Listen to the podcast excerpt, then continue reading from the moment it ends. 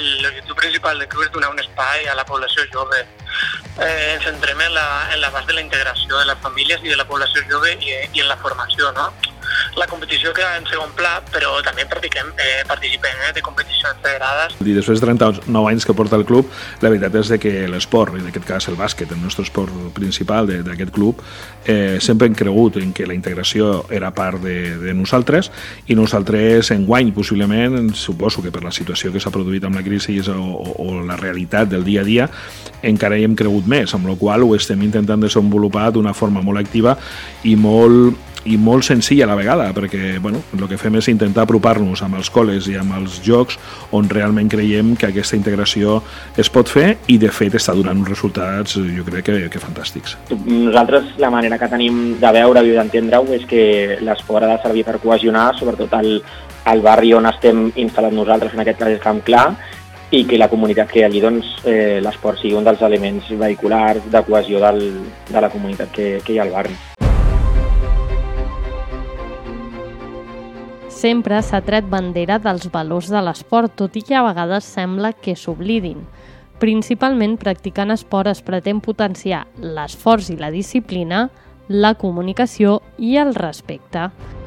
A Tarragona hi ha diferents clubs que realitzen projectes perquè això es vegi reflectit.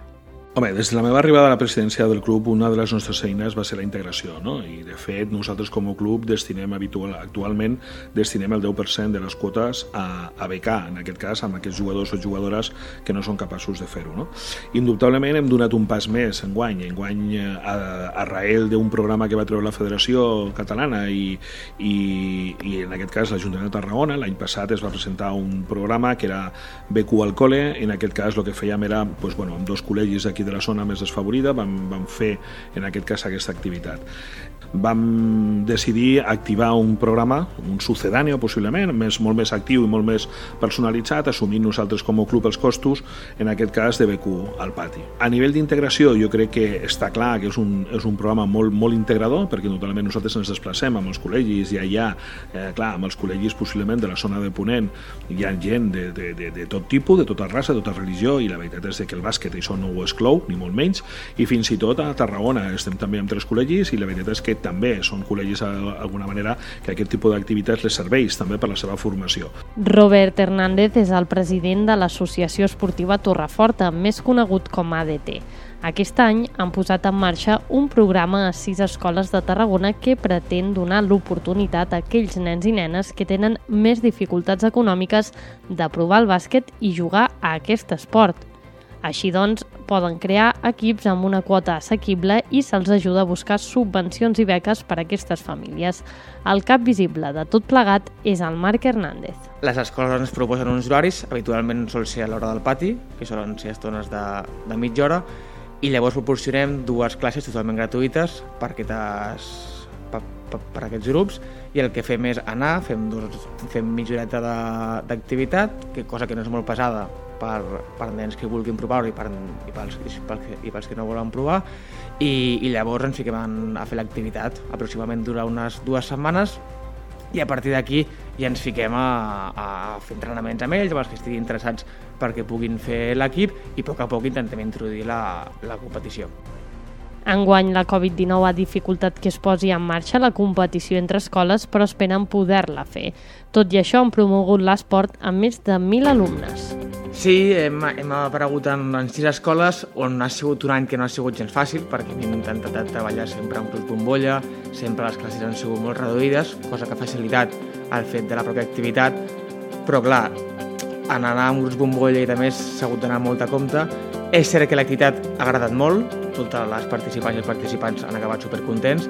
De fet, en aquestes sis escoles es seguirà propulsant aquesta, aquesta funció de, de bàsquet dintre d'elles. Però no són les úniques iniciatives que tenen en aquest sentit.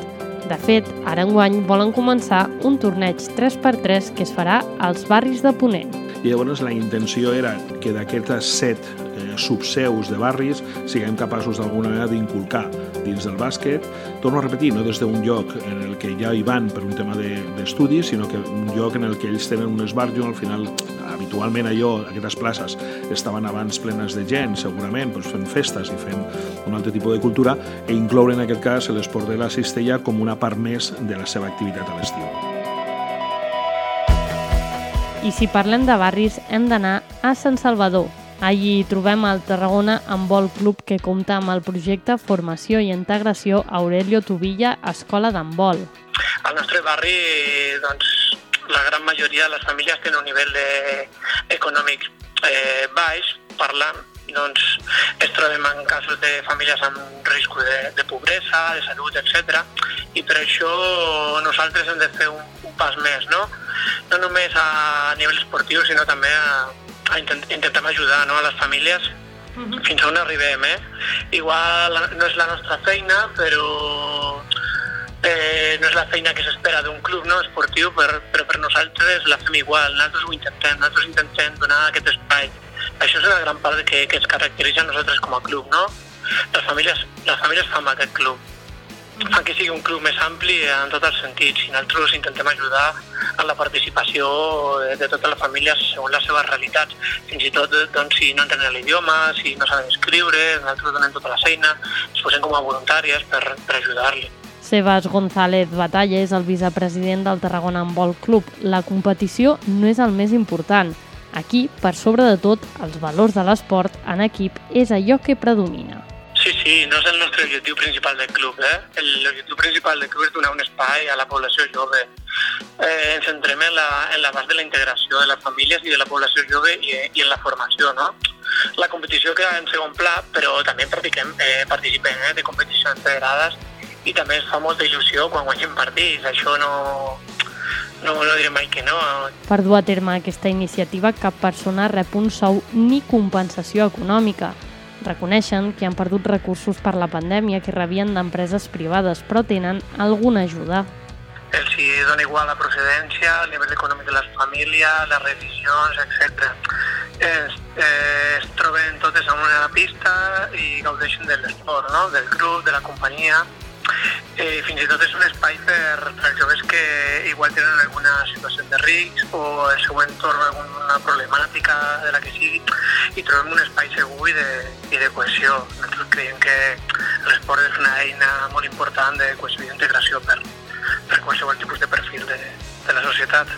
Per nosaltres el somriure ho és tot. Podem practicar un esport sense la competitivitat eh, com a objectiu principal. Això ens fa que, quan practiquen aquest esport gaudeixin més. I sempre, sempre creiem que, que hem pogut contribuir d'una manera positiva en, en el seu desenvolupament personal no? i en el seu futur eh, i és el que, el que volem, no, no demanem més. De jugar a pilota amb les mans a jugar-hi amb els peus. A la ciutat també hi ha el Futbol Club Tàrraco, un club d'accionariat popular que suposa el futbol modern i lucratiu. Està ubicat a Camp Clar i Mar Badia és un dels accionistes. Què és el que intentem nosaltres també? Doncs, doncs saber que, que, que els nens estan participant en activitats, en activitats del barri, amb gent del barri que sigui un, un punt de comunicació entre ells mateixos, entre els pares que es coneixen, entre els nens i, i entre els entrenadors també.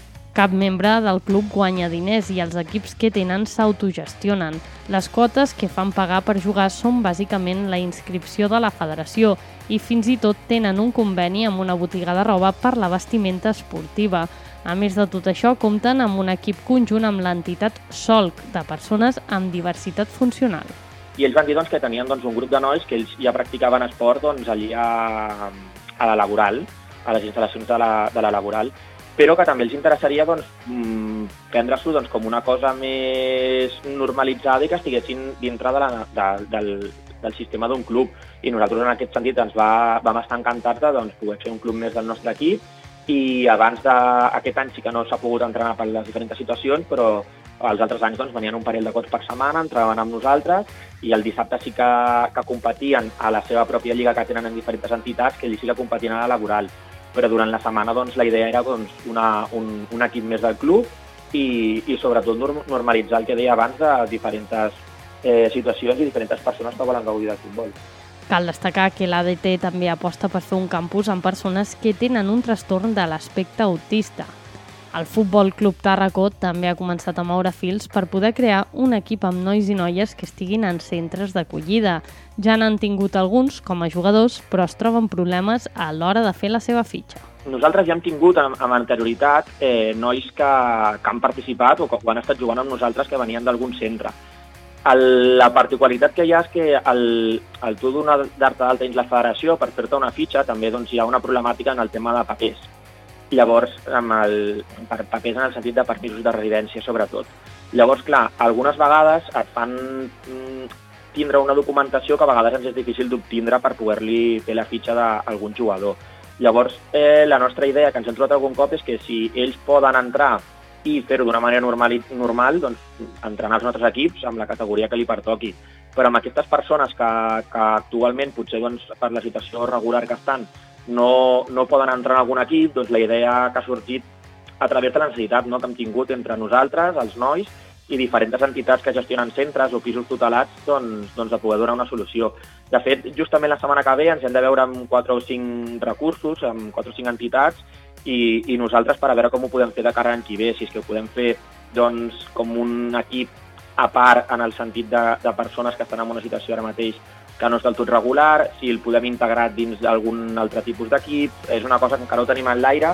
L'esport és essencial, però a vegades per les persones és un salvavides.